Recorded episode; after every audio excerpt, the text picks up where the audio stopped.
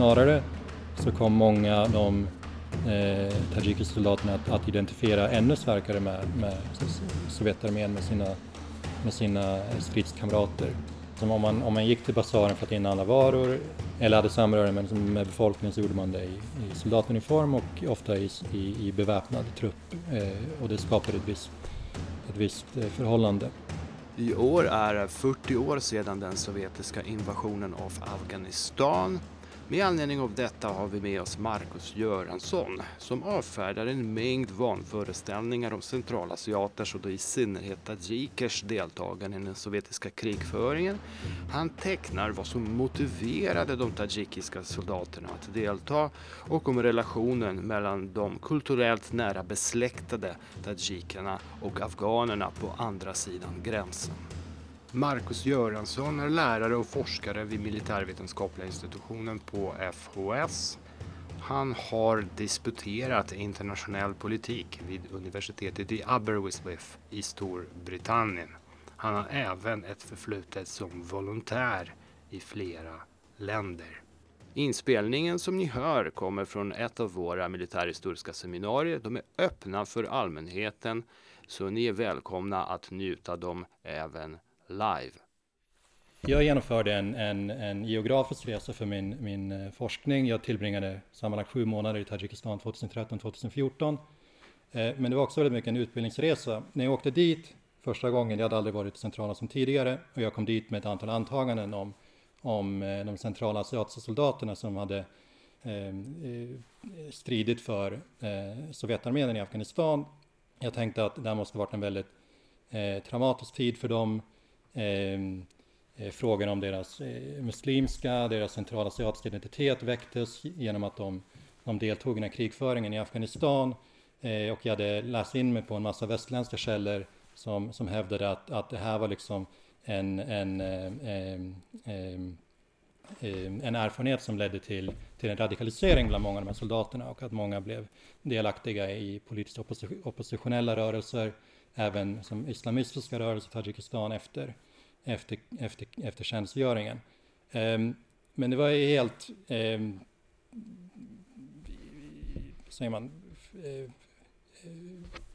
ir, ir, irriga um, antaganden som, som inte uh, visade sig stämma alls. och de här antagandena, de, de kollapsade ganska snabbt när jag kom i kontakt med med eh, källmaterialet i Tadzjikistan som bestod av intervjuer med veteraner och deras familjer, böcker, eh, arkiverade handlingar från, från armén och från, eh, från de militärkommissariaten som, som hand hade eh, soldaterna som stred i Afghanistan och även tidningsartiklar. Eh, och det här källmaterialet existerar bara i, i Tadzjikistan och i, i, i, i Moskva till stora delar. Och just den resan från ett, en, en, en, ett västerländsk eh, okunskap till, till en, ett, en, en möjlighet att utforska eh, Centralasien på plats är en resa som många västerländska forskare har företagit eh, sedan Sovjetunionens kollaps. Innan dess så var man liksom förvisad till, till källor som, som eh, kunde cirkuleras i, i, i, i väst som ofta gav en väldigt felaktig bild av Centralasien.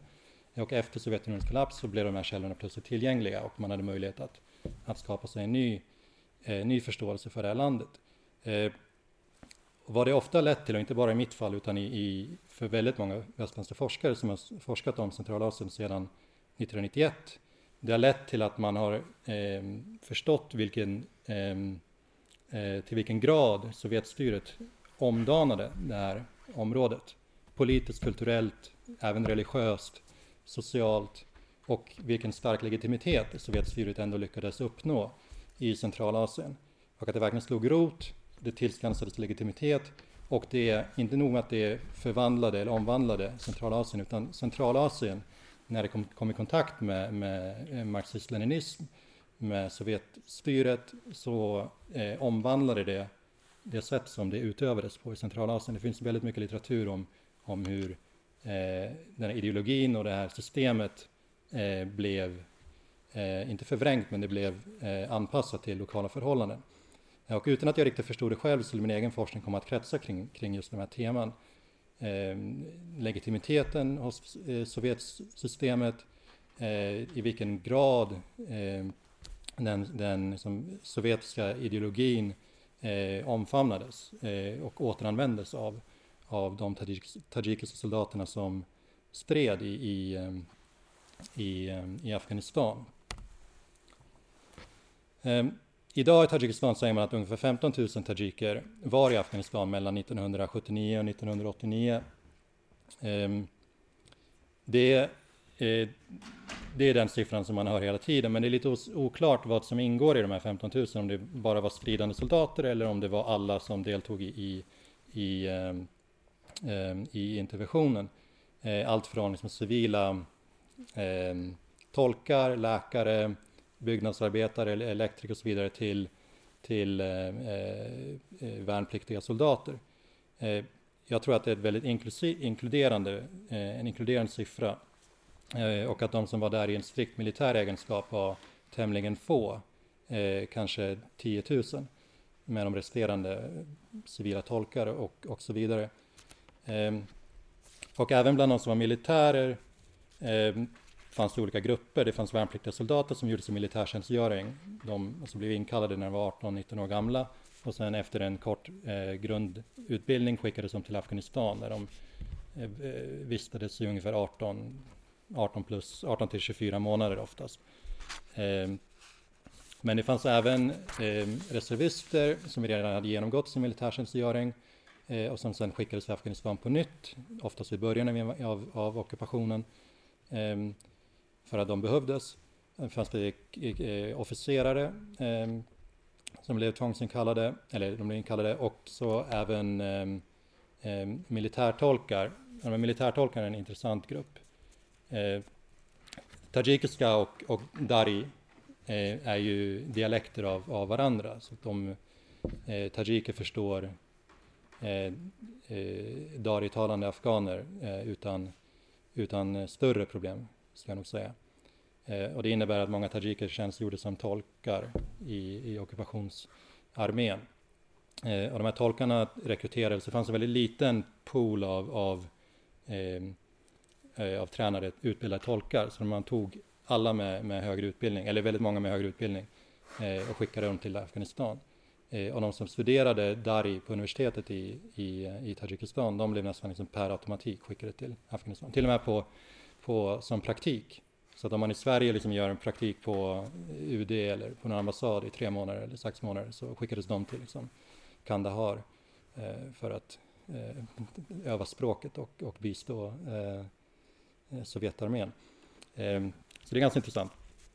Ehm, vad man snabbt kan avfärda när man eh, gräver sig ner i de här siffrorna och de här berättelserna är ju den här idén som, som är väldigt vitt spridd i, i västerländsk litteratur om att centralasiaterna i, i Sovjetarmén eh, var illojala, inkompetenta, eh, outbildade och så vidare. Det är väldigt vanliga påståenden, men det finns väldigt lite som tyder på att så var fallet.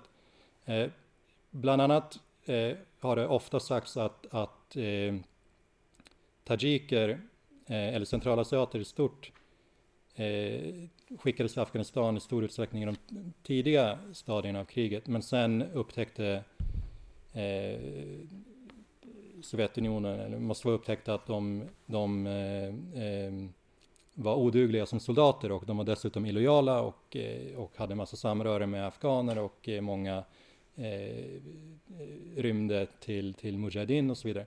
Eh, men om man tittar på eh, utstationeringsåren så fanns det en peak eh, 1981 till, till 1983. Alltså ganska, ganska eh, sent, alltså två år efter, efter invasionen.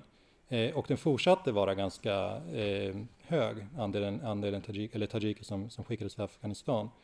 Eh, 85, 86, 87 var det eh, lika många som 79 och 80 ungefär. Så att det, det, är svårt att utifrån den datan som, som finns tillgänglig eh, Eh, på så att, att, att eh, Moskva fick kalla fötter när det gäller centralasiater. Eh, min forskning bygger på ett, ett, ett, begrepp, ett mindre urval av, av, soldater som jag hittat data för, men, men, men det är det bästa urvalet som finns till dato. Eh, och även om man tittar på antal stupade så ser man att det det var ungefär, alltså det finns, det är ganska jämnt fördelat mellan, mellan olika år och ingen, inga större, eh, eller att även senare år så eh, var det betydande andel, antal som, som stupade i, i, i Afghanistan. Och, och antalet som, som rymde, som deserterade och gick över till Mujahedin var alltså förs, försumbart få. Eh, det, om, jag, om jag minns rätt så var det alltså under eh,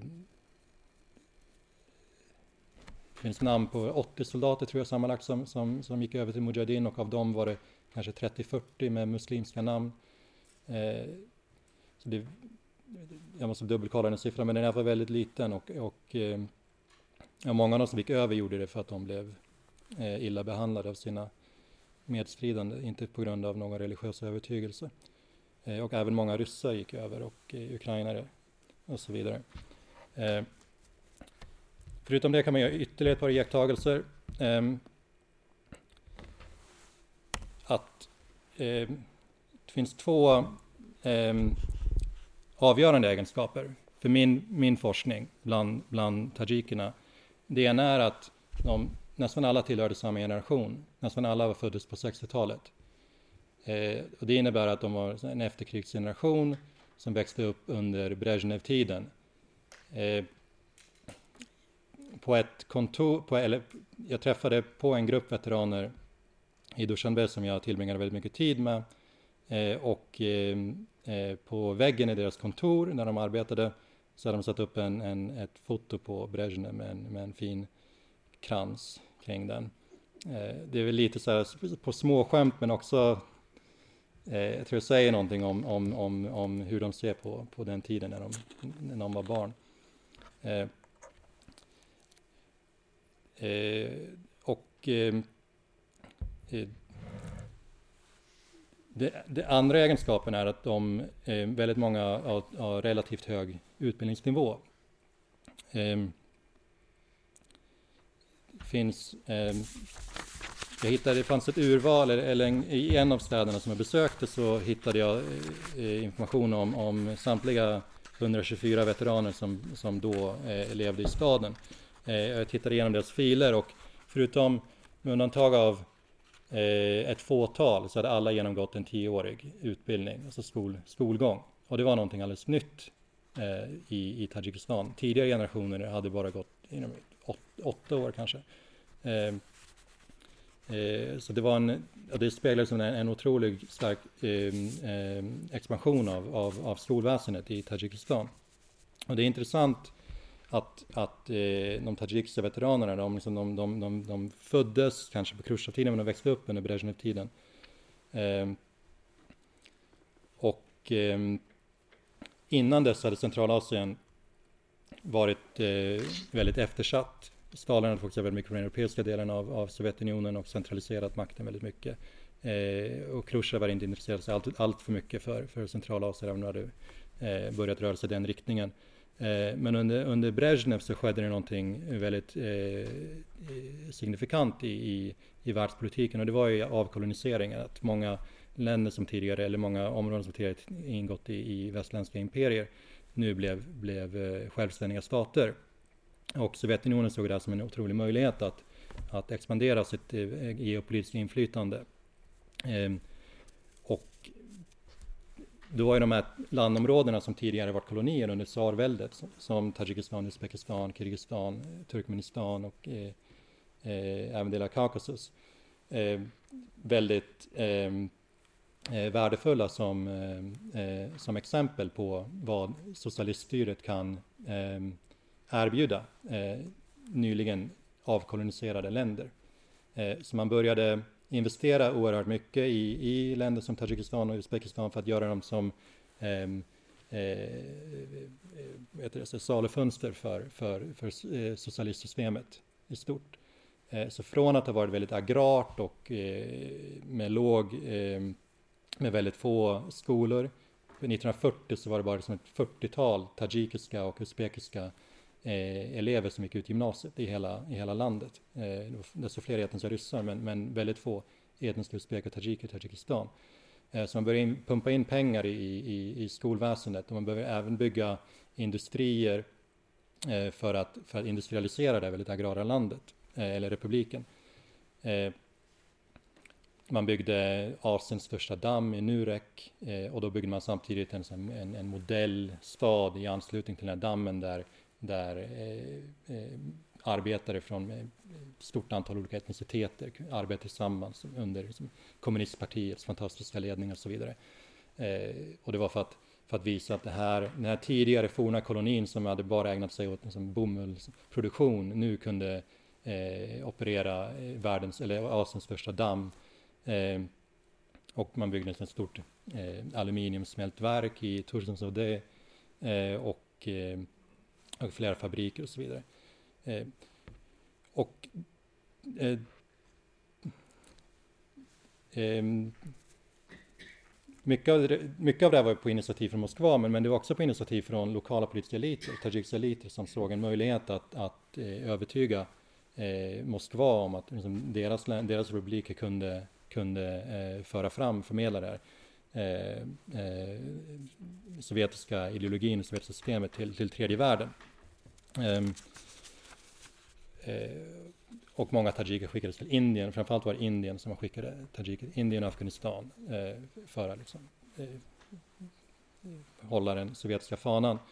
Ehm, ehm, och det hade dels effekten att, att eh, då de här mottagarna såg, Eh, eller de, de, man hoppades att de skulle se liksom, tajikerna som en, ett, ett exempel på vad Sovjetmakten kunde ge dessa länder, men det var också ett sätt för liksom, tajiker att bekanta sig med andra länder som hade det mycket sämre svält än de själva. Så skapar de legitimitet för, för Sovjetsystemet i deras ögon.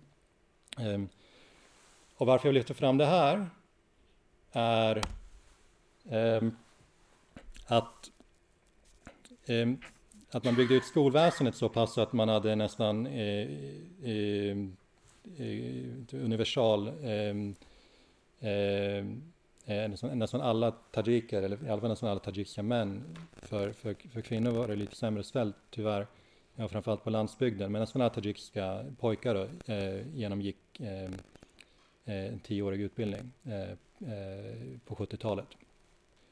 Och ehm, det innebar ju inte bara att de, att de lärde sig en massa saker, utan de blev ju också ehm, det var ett, en, en, en plattform för socialisering av, eh, av, eh, av de här unga, unga tajikerna. Tidigare har liksom militären varit det, det stora socialiseringsinstrumentet. Det var där de fick höra hur fantastisk eh, Sovjetunionen var eh, och där de liksom kom i kontakt med, med, med människor från andra republiker.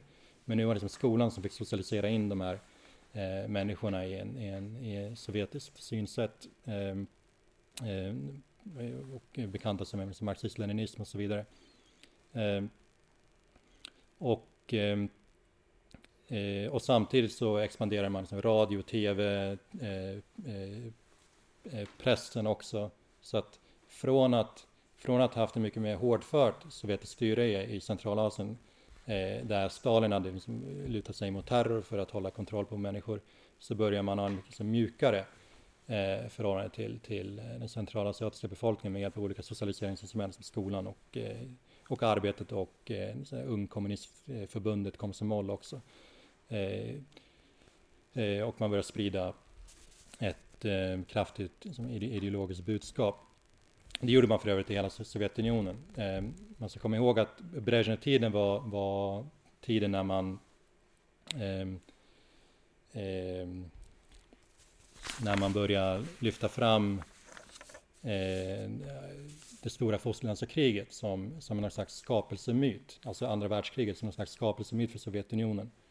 Ehm, eh, man, eh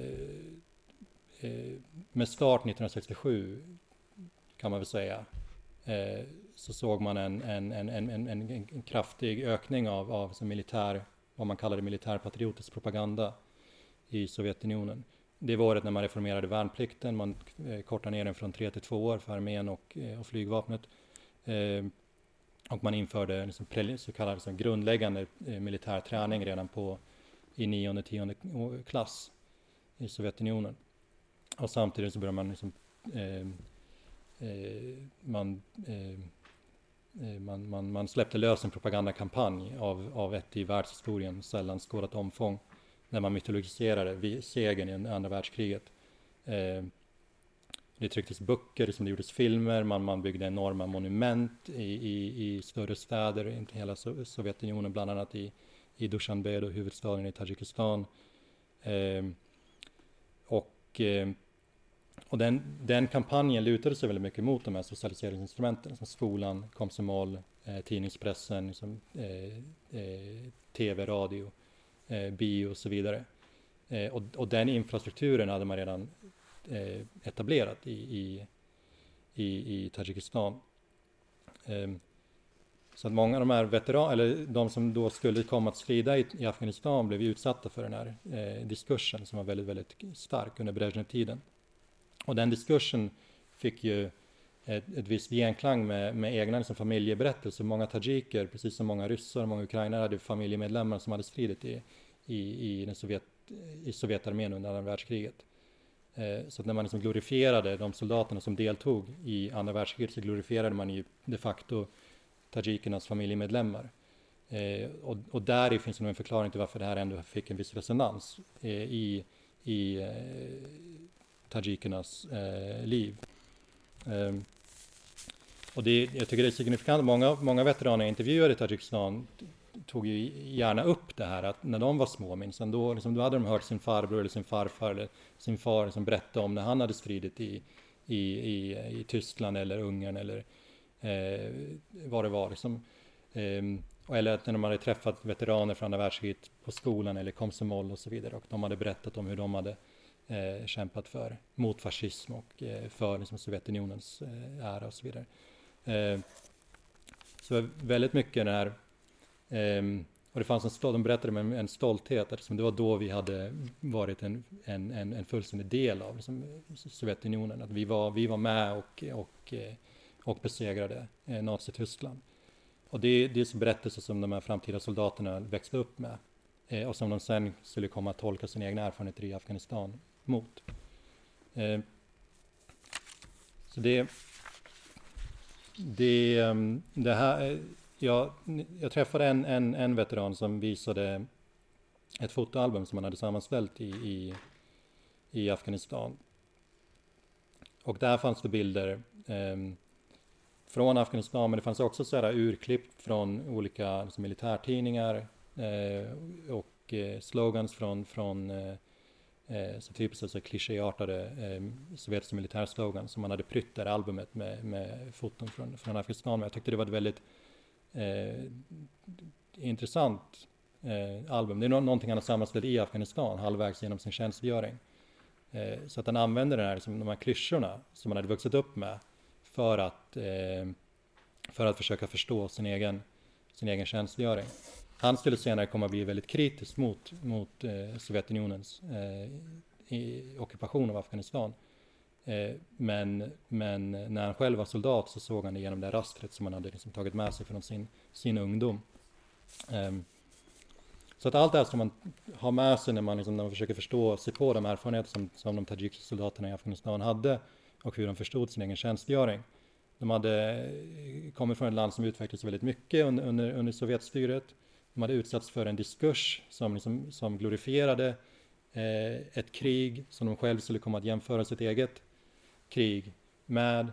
Eh, de kom från familjer som hade eh, eh, vars familjemedlemmar liksom deltagit i, i, i andra världskriget på Sovjetunionens sida.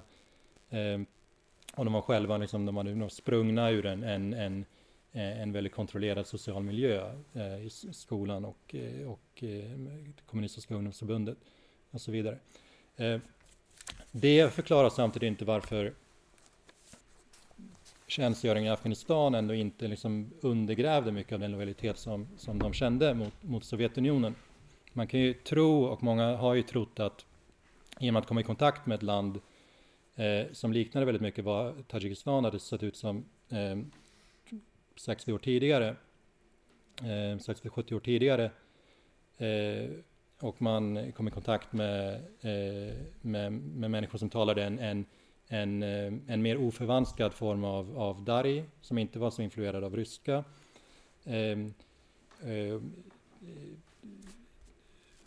människor som utövade sin religion, kanske mindre med, med, med, mycket färre begränsningar än man gjorde i Tadzjikistan och så vidare, att man, man, man skulle bli, ehm, eh, att många skulle bli påverkade av det här. Men det finns ingenting i liksom källmaterialet som jag, som jag tittat på som tyder på att det här överhuvudtaget var fallet, utan snarare så kom många av de eh, tajikiska soldaterna att, att, identifiera ännu starkare med, med Sovjetarmén, med sina, med sina stridskamrater. Det, det finns ett antal liksom, faktorer man måste titta närmare på eh, för att eh, för att förstå varför det här var, var eh, fallet. Eh, det, det fanns, i, om om, när man intervjuar, när jag intervjuade tajikiska veteraner idag så var det väldigt slående att hur man, liksom, man, man främlinggjorde af, afghanerna som man ändå träffade i Afghanistan. Man, man, man, det var ofta att man överhuvudtaget inte talade om dem. De, liksom, de utelämnades från, från berättelserna som man berättar, utan man talade gärna om sin egen tjänstgöring, sitt eget lidande, eh, det man, man påstått sig ha gjort för Afghanistan, att man liksom byggde fabriker och eh, skolor och eh, hjälpte kvinnor att, och tjejer, flickor att, att, att gå i skolan och så vidare. Eh, men men liksom, afghanska individer, personer som man träffade var eh, väldigt frånvarande från de här berättelserna. Eh, och det fanns någon slags en, en nästan exotifierande blick på Afghanistan. Det här var väldigt annorlunda, farligt, eh, svårförstått, eh, mystiskt. Alla de här orientalistiska eh, eh, greppen som man använde sig av för att liksom förhålla sig till det okända. Det var, det var väldigt framträdande i, i de här berättelserna. Och det är ändå liksom tajiker som har väldigt starka band till det finns lika många tajiker i Afghanistan som i Tadzjikistan till exempel. Som talar samma språk, utövar samma religion, har en gemensam historia. Eh, många familjeband även, som många tajiker flydde eh, Sovjetunionen på 20-30-talet till Afghanistan.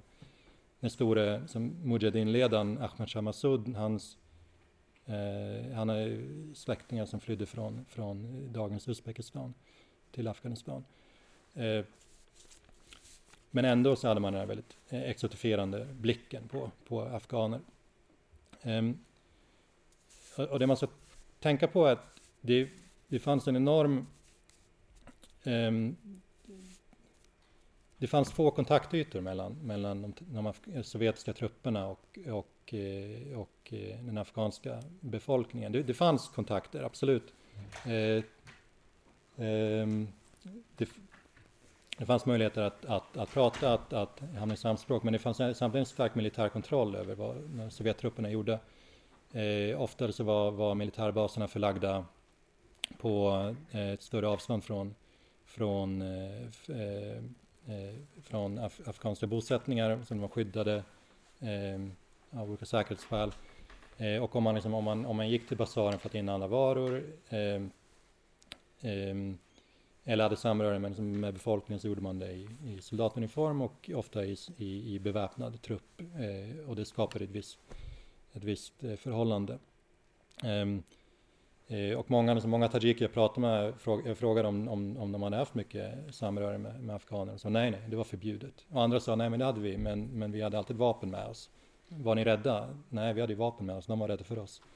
Um, en, en person, han som hade sammanställt det här fotoalbumet som jag nämnde, eh, han berättade en, en, en rolig anekdot eh, om en eh, afghansk telefontekniker som hade kommit för att installera telefonledning i, på deras bas. Eh, och så satt de och rökte och drack vodka eh, eh, och blev, blev lite glada. Eh, och, och då började den af afghanska telefonteknikern som hade varit på basen eh, många gånger hota dem och säga att jag är, jag är minsann Mujahed. Om, om jag hade ett vapen med mig då skulle jag skjuta er först av alla, alltså, sa han till tajikerna.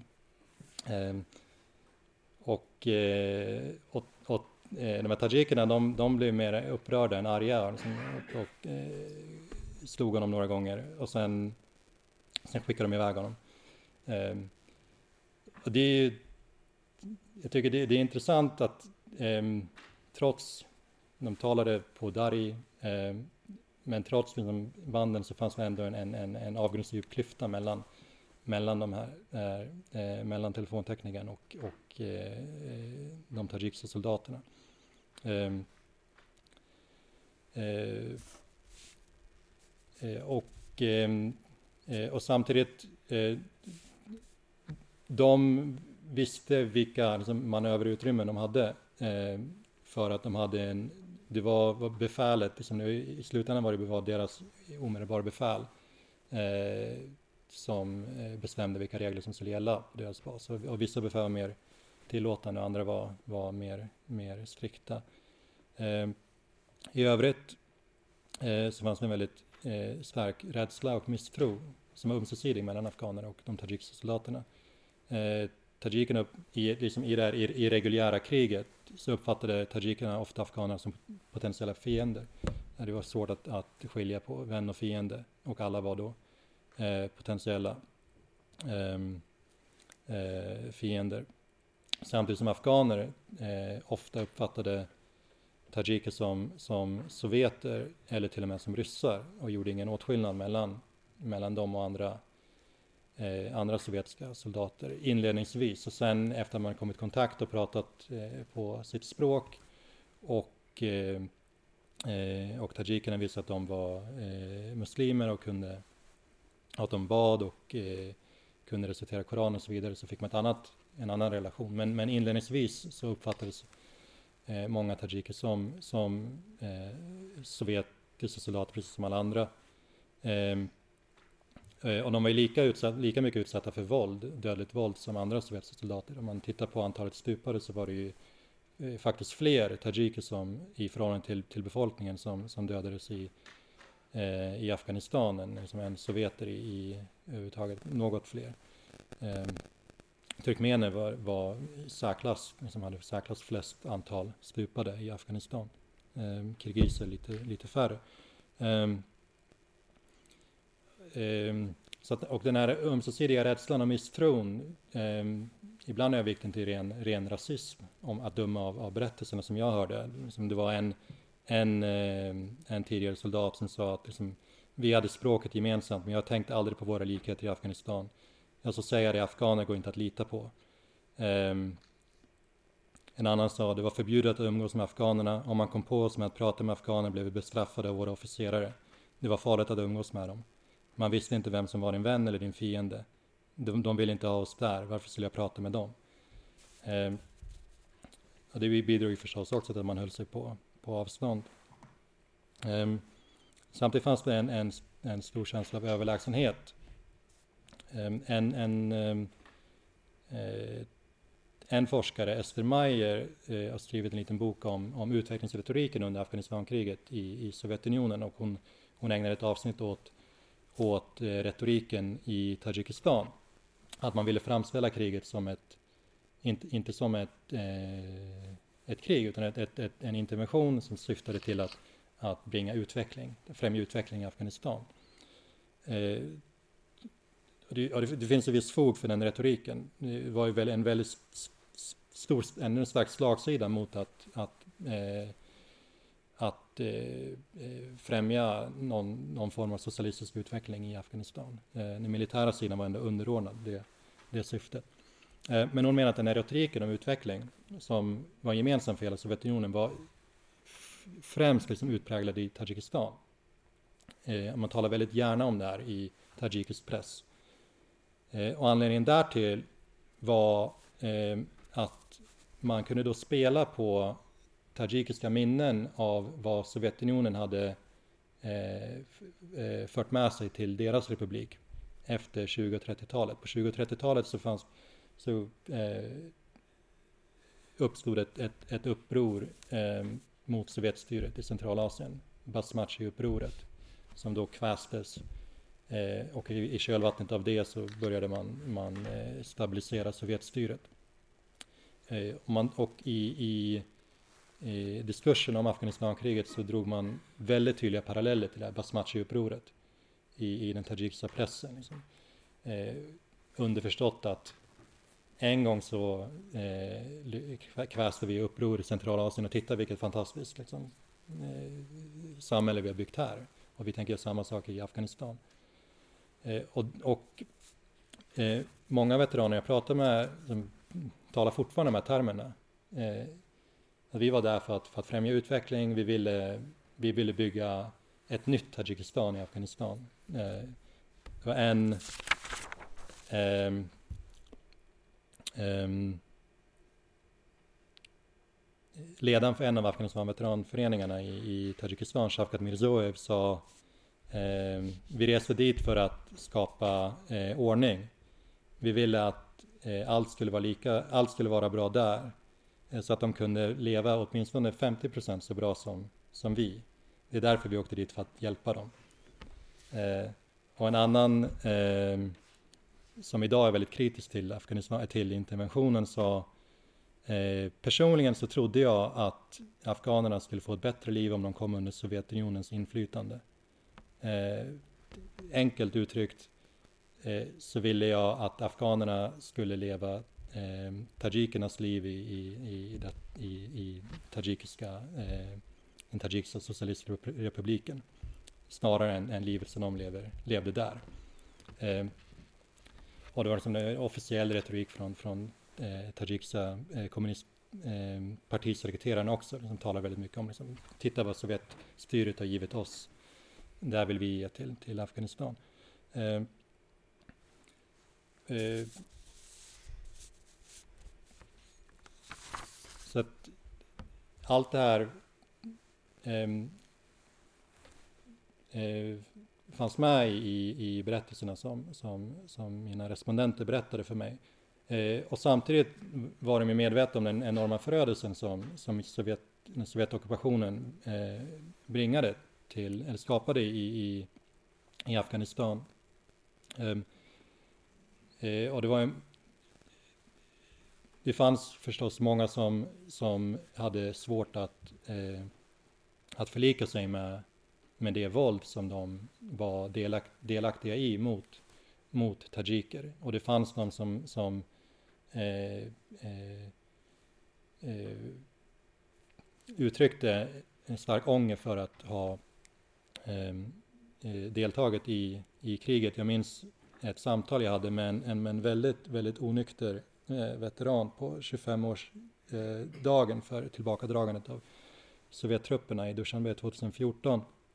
Ehm, och han försökte förklara varför han inte hade några medaljer på sig. Eh, fast han hade massa medaljer hemma, men han ville inte ha dem på sig för att det var en skam för honom. För han hade, han hade eh, eh, dödat sina liksom, eh, landsmän, som man sa. Eh, Zemljaki på, på ryska. Eh, det fanns andra exempel på det också. En av de stora tajikiska oppositionella politikerna, eh, Ali Khaid, eh, som idag sitter fängslad i Tadzjikistan, eh, var, blev jag intervjuade honom 2013 och då var han väldigt, väldigt kritisk mot hela den här eh, retoriken som, som förs bland veteraner i, i, i Tadzjikistan idag och säger att nej men vi var där och vi dödade en massa människor eh, vi har ingenting att känna stolthet för, som vi, vi främjade minst inte utveckling och så vidare. Men det, det är undantag, det är väldigt få liksom, undantag. Eh, och för många så var det, såg man förödelsen men, men det var svårt att förklara som, ett, som resultatet av ett sovjetiskt angrepp enkom. För det var ändå så att eh, man kunde lätt peka på liksom, inblandning av andra länder. Man kunde lätt peka på eh, striderna mellan eh, olika afghanska faktioner. Eh, man kunde lätt peka på att liksom, det fanns en mujahedin som vände sig till sovjeterna för att få hjälp för att eh, eh, eh slå ner deras, sina rivaler. Eh, så ett väldigt, väldigt komplicerat krig. Eh, och det var ingalunda entydigt för de här unga tajikerna att, att när enorma förödelsen som, eh, som det blev där var resultatet av liksom det sovjetiska angreppet. Särskilt när man också såg allt det man försökte bygga eh, i Afghanistan. Eh, så att i allt detta eh, som jag berättat så finns det liksom en, en, en, en, en viktig del av förklaringen till varför man än idag i, i Tadzjikistan gärna eh, lånar från liksom sovjetisk retorik för att, för att prata om, om kriget i Afghanistan. Varför man fortfarande i, i, i många fall känner en, en stolthet för att ha deltagit i, i det här kriget. Um, um, så um, mycket av min forskning då landar i att försöka förstå se den här generationen av Afghanistan-veteraner som en, en um, uh, att, att försöka historisera dem i, eh, i den kontext som de själva växte upp under Brezjnev-tiden och hur det har präglat deras liv och deras, deras syn på, på, eh, på sin tjänstgöring i Afghanistan. Och att det i sin tur blir som en spegel för att förstå eh, den utveckling som Tadzjikistan genomgick mellan 60 och, och eh, 1990. Och det var allt som vi hade förberett för denna gång. Jag påminner om att presentationen hette Mellan Moskva och Mazar-i Sharif, tadsjiker i Sovjetunionens armé i Afghanistan 1979 till 1989. Och det var Marcus Göransson som stod för presentationen. Jag heter Piotr Vavzjenjuk och är lärare och forskare vid militärhistoria på Försvarshögskolan. Adjö, arrivederci, auf Wiedersehen.